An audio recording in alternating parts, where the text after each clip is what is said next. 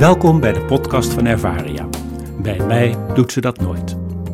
In deze podcast nemen we je mee in situaties van onbegrepen gedrag bij mensen met een ouder wordend of beschadigd brein. Bijvoorbeeld door dementie. Dit is aflevering 21.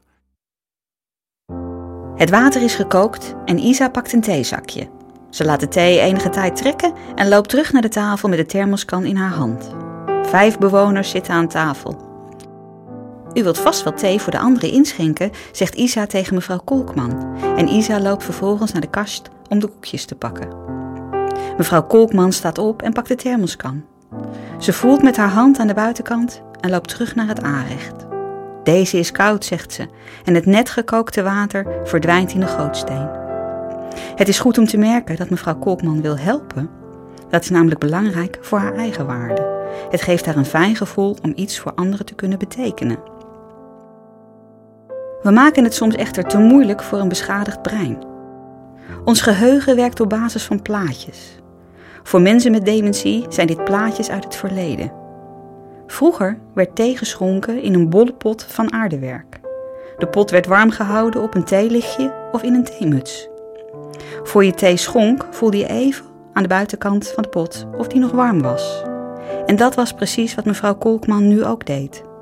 Ze voelde nu de koude buitenkant van de thermoskan en kreeg het signaal dat de thee koud was.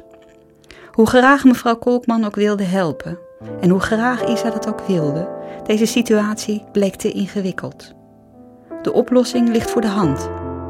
Door de thermoskan te vervangen door een ouderwetse bolle pot kan mevrouw Kolkman zonder problemen de thee inschenken.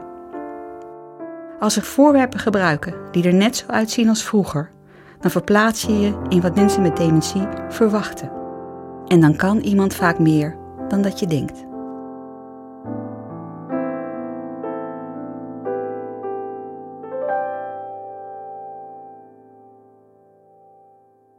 Meer informatie is te vinden in ons boek Bij mij doet ze dat nooit. Je kunt ook de website www.ervaria.nl bezoeken of mailen naar info.ervaria.nl.